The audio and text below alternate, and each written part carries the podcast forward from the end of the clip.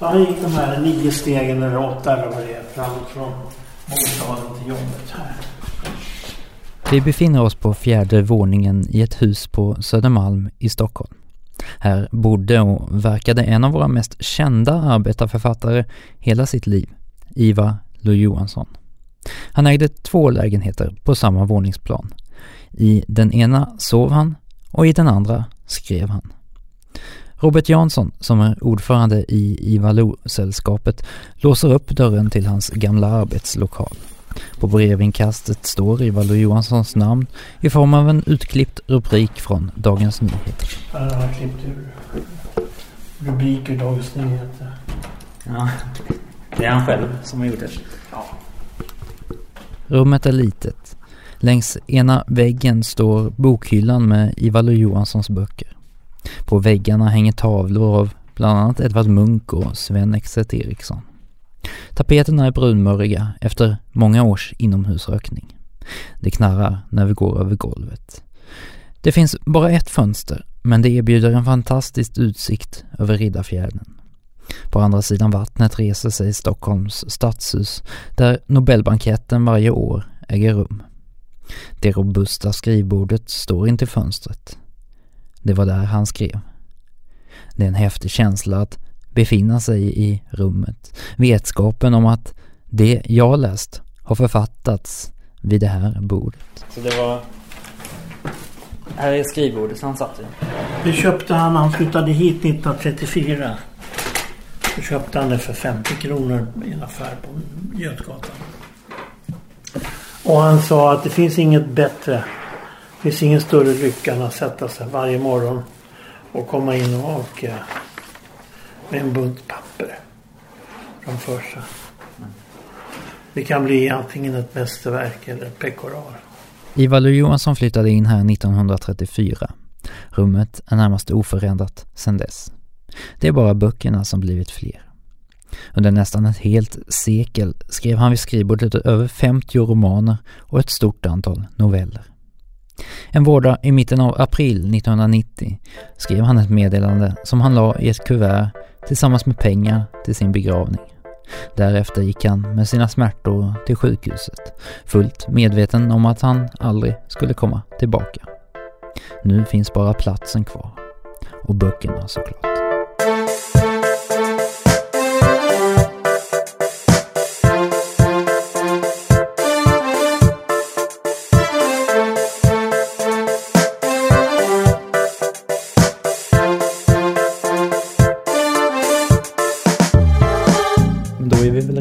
Ja, visst. Känns det bra? Det är mycket bra. Du sitter bra på den knarrande stolen också. Så att Ja, men det ska vara lite karaktär i rummet. Ja, precis. Ivar Lo Johansson var den första arbetarförfattaren jag kom i kontakt med. En oktoberdag vandrade jag omkring i Malmö för att bekanta mig med staden. Med halsduken uppdragen som skydd mot den hårda vinden rörde jag mig omkring bland de fina husen i Västra hamnen. Via vid den här årstiden folktomma ribban tog jag mig till Möllan där jag gick ett varv kring torget och bekantade mig med de gamla arbetarkvarteren. På hemvägen gick jag in i bokhandeln vid Triangeln och köpte av en slump en illgul bok med titeln Kungsgatan. Då visste jag inget om arbetarlitteraturen och inget om Ivar Lo Johansson. Nu, ett halvår senare, inser jag att boken kom att förändra mitt liv. Inte nödvändigtvis att den var bättre än andra böcker jag läst, men för att den öppnade ett helt nytt fält för mig. Ivar Lo Johansson föddes i Södertörn 1901 i en släkt som i generationer varit statare. Även om hans föräldrar vid hans födelse realiserat den gamla statardrömmen om ett eget torp. Han skriver själv om det i antologin Ansikten från 1932. Släkten hade varit statare, torpare och båtsmän i Sörmland och Södertörn. Mina föräldrar var först statare på en stor gård. De tog sedermera efter varannat två torp och blev slutligen ägare till en liten bit jord. Det kostade dem 40 års strängt arbete, först som jon och sedan som daglönare, att ta detta steg. Mina barndomsminnen är hur far gick upp klockan fyra om sommarmorgnarna för att dika ut mossar och rothugga stubb till en nyodling som ökade ställets areal med några tunnland efter många år. En statare var en person som arbetade för en jordägare och till stor del fick betalt in natura, alltså i form av mat och boende istället för pengar. Det gjorde dem beroende av jordägaren och många blev i praktiken livegna. Statussystemet tog form i mitten av 1700-talet och avskaffades först så sent som 1945. Tolv år före statussystemets avskaffande debuterar tre författare. Alla med böcker om statare och helt omedvetna om varandra. Författarna är Ivar Lo-Johansson, Jan Fridegård och Moa Martinsson. De kommer att benämnas som Statarskolan. Ivar Lo-Johansson skriver under de kommande åren fyra statarromaner och ett stort antal statarnoveller. Böcker som alltså skildrar statarna. Kort därpå beslutar regeringen att avskaffa statarsystemet. Men vilken betydelse hade författarnas böcker? Många menar rent av att det var de som avskaffade systemet. Många tror att Ivar, Ivar och Jan Fridegård och Moa bidrog till av, De bidrog, det gjorde de, men det var inte huvudsakliga orsaken. Statssystemet avskaffades av mellan arbetsmarknadens parter. Lantarbetarförbundet och eh, lantarbetsgivarna. Och det hade helt enkelt blivit för omodernt. Eh, forskare som har forskat på lantbrukets utveckling i Skåne eh, har visat att, att det att det hade blivit om, för omodernt och orationellt. Så att de ville göra om. De tyckte det var bättre med riktigt, riktiga anställda. Istället för de här slavliknande förhållandena. Så här säger Gunnar Sträng, mångårig socialdemokratisk finansminister och socialminister, om statarromanernas betydelse till Sveriges Radio 1970. Det fackliga området, det politiska via lagstiftningen, det litterära genom den här författargenerationen som satt eh, den, eh, ska vi säga, sociala skamfläck som statarsystemet var inför offentlighetens strålkastare. Vi fick opinionen med oss och den litterära insatsen Ivar, Jan Fridegårds, Moas och flera den var att det var lättare för oss att gå fram fackligt och politiskt och ta opinionen. Där har vi den stora insatsen från det litterära på 30-talet. Ivar Johanssons första statarroman, Godnatt jord, utkommer tillsammans med Moa Martinsons Kvinnor och äppelträd och Jan Fridegårds En natt i juli 1933. Ivaldo Johansson betraktar boken som sin egentliga debut. Jag läste Godnatt jord inför att jag skulle göra det här avsnittet av podcasten. Boken är en kollektiv roman, även om handlingen mest kretsar kring statarpojken Mikael. Boken var tänkt som en självbiografisk skildring, men blev snarare en skildring av statarna. Ivar Johansson skriver senare i sina memoarer. Jag skrev i min lycka nästan utan att tänka. Jag hämtade stoffet ur mitt inre med enbart min känsla. Inte någon gång tidigare hade jag skrivit på det sättet. Innehållet i det jag skrev tycktes ge mig allt jag behövde, också för formen.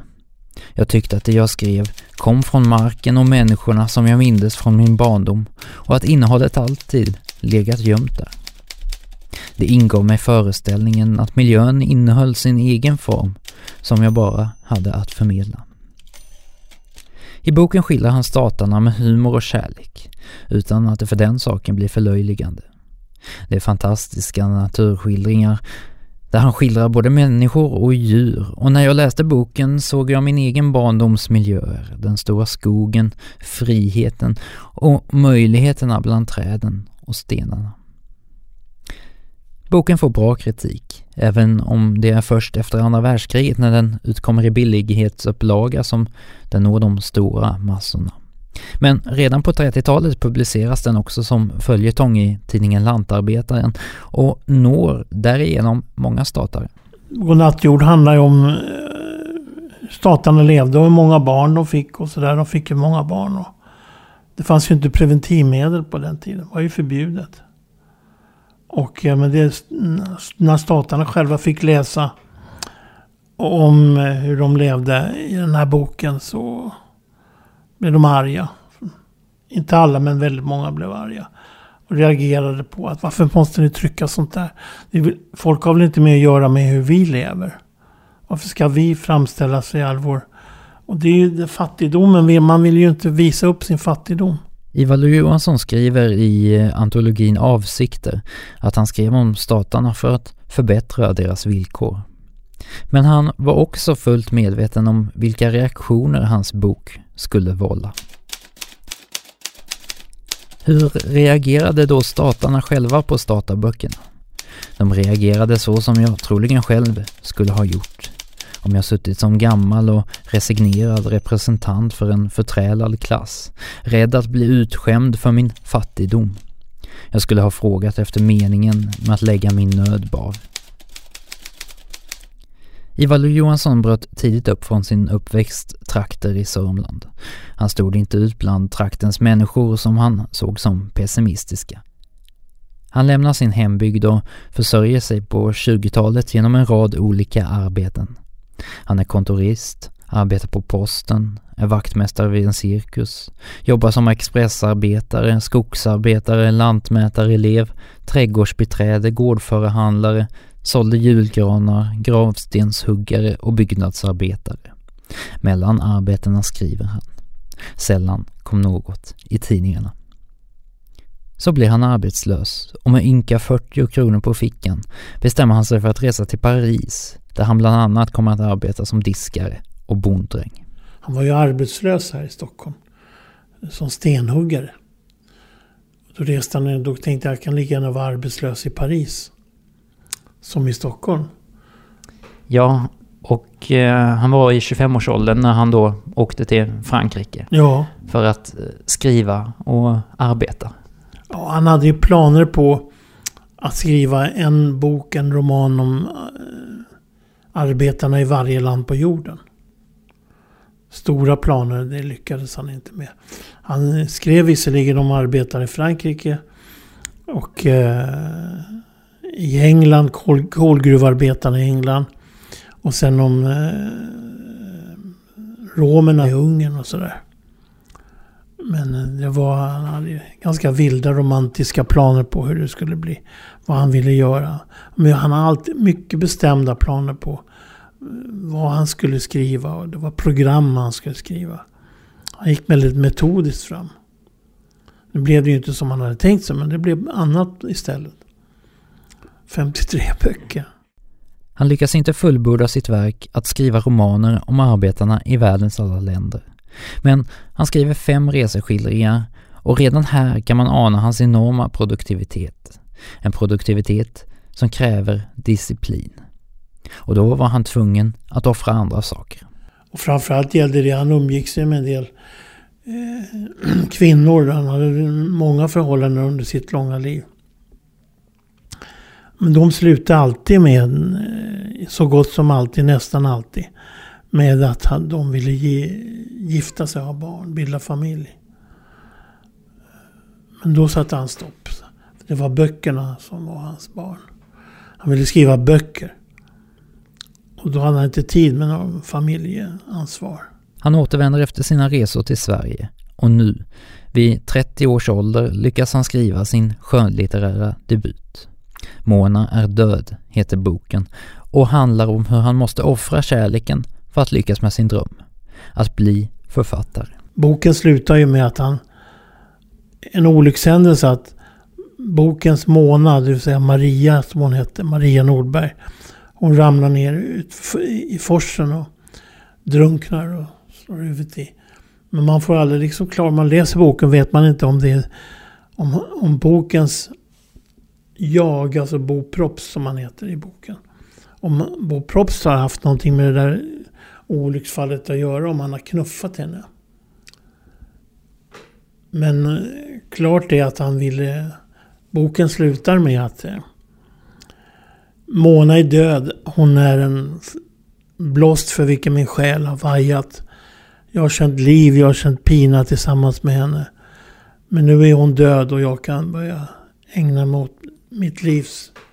Alltså det han hade tänkt sig, nämligen att sikta mot stjärnorna. Att bli författare. Precis. Mona, som i verkligheten hette Maria Nordberg, hade under 20-talet en relation ihop med Ivar. Maria Nordberg och Ivar hade ju på 20-talet, 1929, eh, provat de att bo ihop på... Inte här utan det var ju innan och då bodde de ihop på, på andra ställen på Södermalm. I ett äktenskapsliknande förhållande som de kallar det för. Och... eh, men de flyttade ifrån varandra och eh, hon bodde på Kungsholmen. Och Ivar skickade pengar till henne då och då. Hon var ganska fattig. Hon hade ju varit balettdansös tidigare i sitt liv. Och hade väl pensionerat, pensionerades tidigt. Men Ivar tjänade ju pengar med sina, på sina böcker. Stora upplagor. Och eh, skickade pengar till henne. Hon dog 69. 69-70. Och ehm, Ivar hade då tänkt när han skulle begravas att han skulle bli begravd i sin familjegrav, sina föräldrar. Till Västra Haninge där, han bo, där, där de bodde. Men han ändrade sig när Maria, han fick reda på att Maria var, var kremerad och strödd i Skogskyrkogården. Då ville Ivar också till henne och dit där hon låg, fanns. Så på det viset så reparerar, vill han reparera den här kärlekshistorien som gick i kras. Fast efter döden. Lite roman, väldigt romantiskt.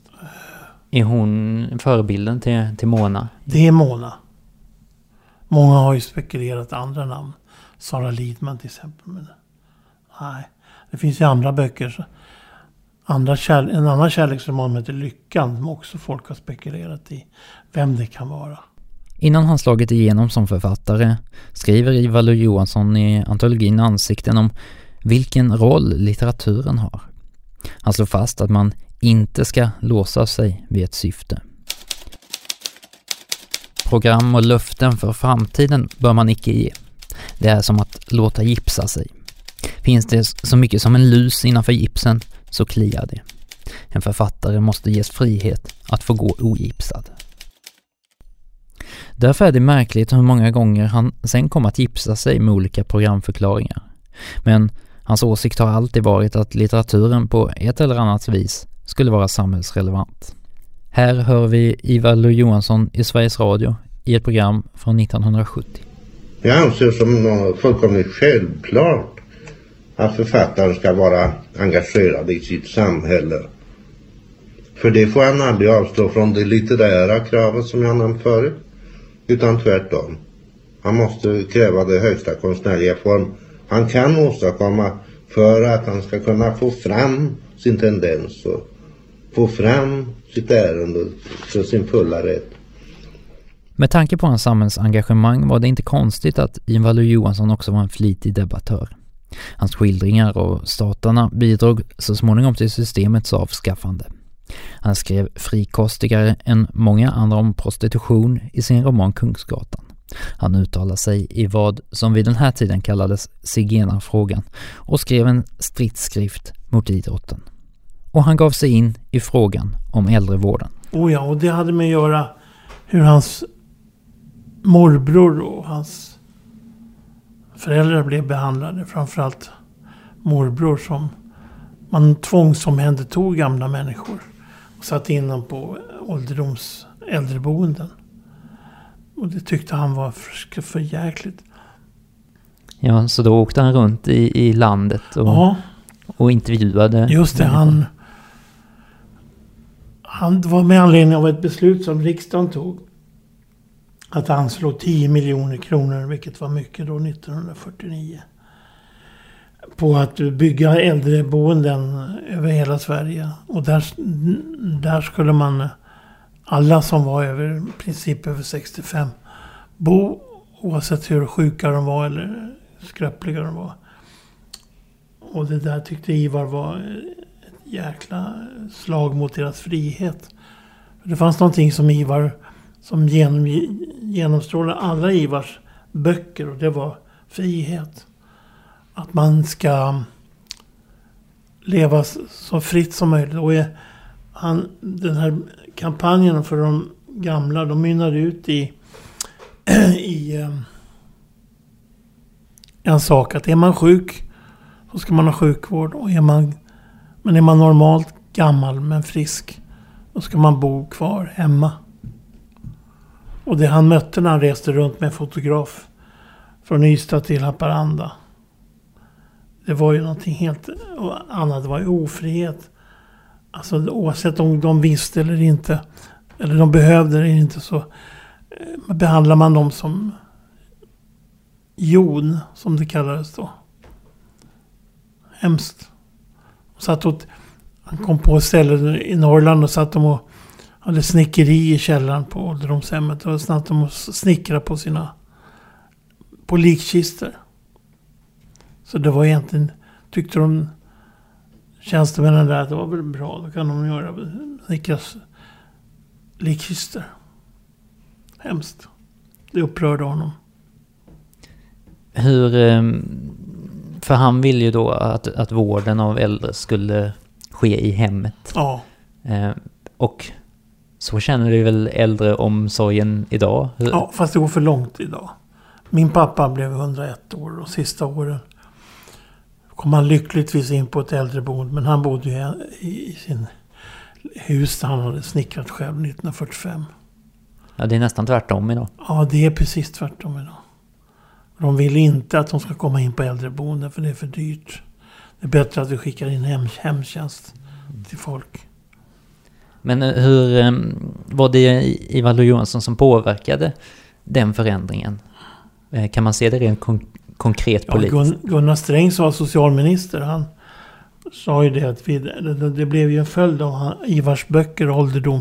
Reportage att de, till, att de tillsatte en utredning på socialdepartementet. Och det mynnade ut i ett förslag att de tog Ivars förslag rätt av bara. Hemtjänst för gamla om de orkar och inte är sjuka. Och så blev det. Men sen blev det, gick det för långt. Man tyckte att det var billigast. Men la man ner äldreboenden istället. De som fanns. Han hade garanterat gjort en ny resa idag. Åt andra hållet. Ja, Motsatt. jo visst är det så. Absolut. Eivind Johnson och Harry Martinsson belönades med varsin plats i Svenska Akademin och fick gemensamt Nobelpriset 1974. Ivar Lo-Johansson satt aldrig i akademin, men han sålde mycket böcker och byggde upp en förmögenhet med vilken han instiftade Ivar Los personliga pris med en prissumma på över 300 000 kronor. Det är Sveriges största litterära pris till en svensk författare. Jag har ju varit med och del, delat ut Ivar Lo-priset, det personliga Ivar Lo-priset eh, sedan 1990. Och eh, nu ligger det och vilar i väntan på att det ska växa till. Men det, vi har ju mött alltså väldigt svårt från de här kulturjournalister och andra att, att, att skriva om priser för de tycker att det är inte fint. Det är inte fint, tillräckligt fint. Eh, Svenska Akademin har ju deltagit i de här prisjuryn också. Ivar Los författarfond. Och tidigt så sa jag, tidigt var det ju, eh, numera är det Horace Engdahl. Han har inte sagt någonting negativt men hans företrädare Sture Allén sa ju det att tidigt 1990 när han deltog där i arbetet att det är för mycket pengar. Ivar hade bestämt att det skulle vara mycket pengar. Det skulle vara, eh, om slutet var det 330 000. Jag tyckte Sture Allén var för mycket pengar. Eh, borde dela upp det på två. För att vi ska inte dela ut så mycket pengar till arbetarförfattare. Det, det, det störde dem. Och det här har bekräftats sedermera av Horace Engdahl. Nu säger jag saker som kanske inte jag har sagt förut offentligt. Men Horace Engdahl sa ju att i, med sitt personliga pris så lyckades Ivar med det han hade förutsatt sig. Nämligen att knäppa Svenska Akademin på näsan. Utan, och vi blev ju väldigt irriterade över prisets storlek. Vi kunde inte hänga med. De kunde hänga med med, med Nobelpriset men De har så mycket, de har ju andra priser också som inte var lika högt som Ivar Los pris. Men mötte han själv det, det motståndet som författare? Att han aldrig kanske fick ett erkännande om man upplevde det så? Eller? Ja, alltså hans kollegor får man ju komma ihåg. Harry Martinsson och Evin Jonsson. De fick ju båda Nobelpriset. Och de fick också varsin plats i Svenska Akademin. Vilket inte han fick. Nu eftersträvar han kanske inte att sitta i akademin men just det där erkännandet att han inte... Hade han tackat ja till att sitta i akademin tror du? Det är tveksamt, det är en svår fråga att svara på. Men jag tror det är så mycket arbete, då hade han inte fått tid att läsa. Eller skriva sitt eget. Ivar byggde ju på sitt eget Nobelpris kan man säga. Han byggde ju sitt eget monument. Över sig själv. Vad har han betytt för andra arbetarförfattare och andra författare? Ja, det, det är omätbart tror jag att svara på. Men framförallt för de, många av de unga författ, arbetarförfattare idag. Så har han betytt oerhört mycket. Ibland har han stått i vägen för dem. Eh, han har varit så stor så att liksom det blir eh, någon sorts avgud. Va? Men eh, det har han inte. Han ställer många som har inspirerats av honom. Och tycker att det är ett bra exempel på liksom, att man kan.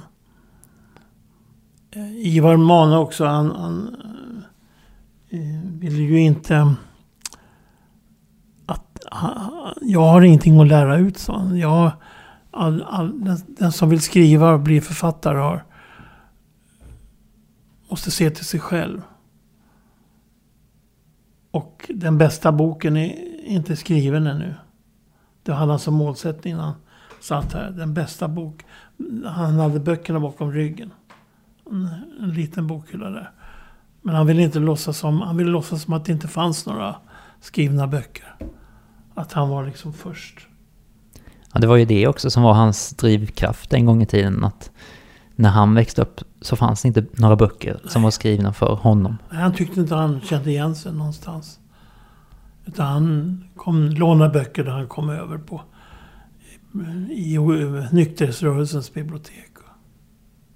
Och så vidare. Och sen skrev han om böckerna själv som han hade velat läsa som, som ung. Ja, för som handlar om hans liv. Mm. Och de omkring honom. Men alltså han var ju en realistisk författare. Men, men parat med en väldig massa romantik. Alltså en romantisk syn på saker och ting. Det är otroligt egentligen. Vilken roman. Någon har sagt en Ola Holmgren som har doktorerat på Ivarlo, som var vår första ordförande. Sagt det, skrivit det att eh, för att tro på den nya människan som Ivar gjorde, som han på 30-talet, så måste man vara en romantiker.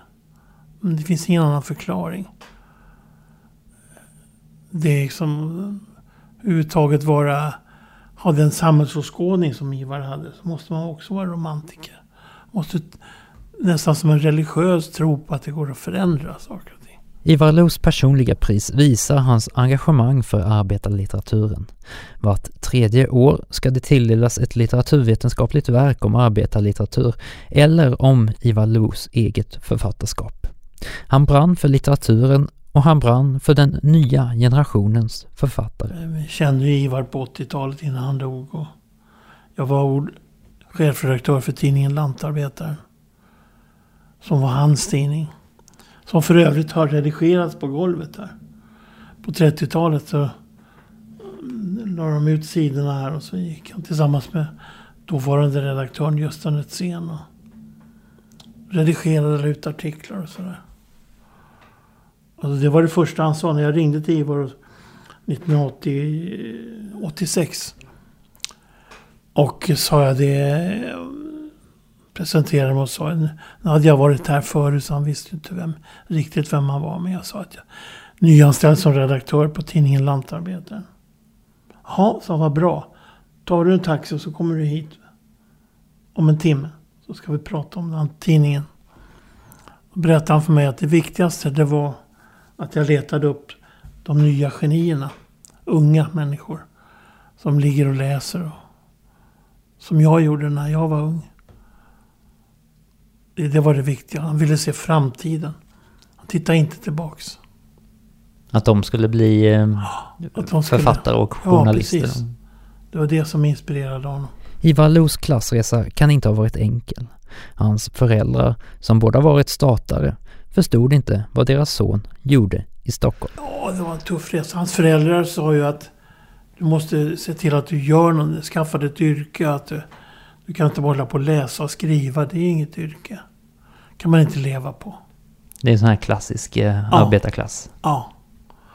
Så när han har flyttat till Stockholm och, och hans föräldrar har inte riktigt kläm på vad är det han gör där alltså. Men han skrev, berättade att han, ja, han har fått böcker utgivna och sådär. Men hans mamma var orolig för att han inte fick någonting att äta och sådär. Hon reste ju upp några gånger på 30-talet hit. Och hade, hade hon med sig mat och paket och så att inte skulle svälta ihjäl. Så, så var det ju. Så ser föräldrar på, på sina barn. Mm. Men istället var det han som tog ut dem på restaurang.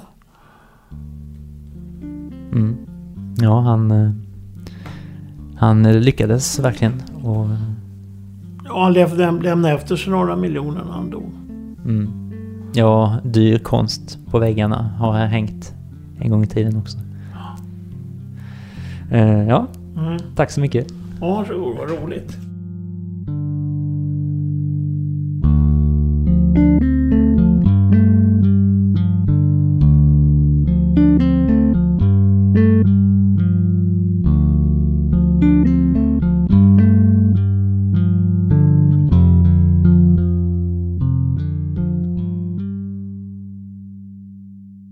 Tack Robert.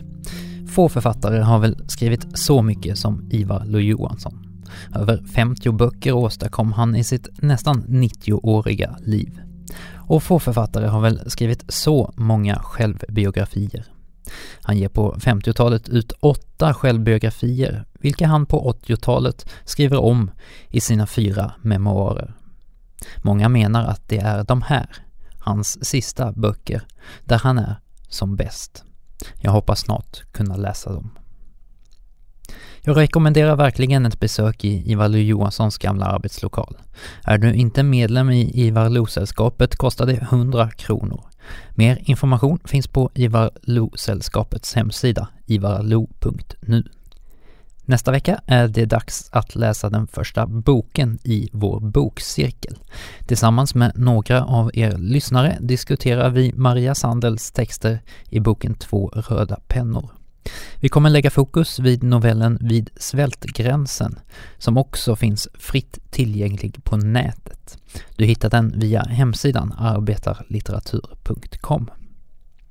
Tack för att du lyssnat.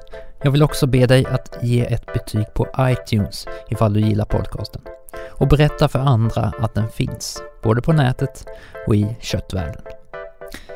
Jag heter Mattias Torstensson. Ha det så bra så ses vi nästa gång. Vi säger så.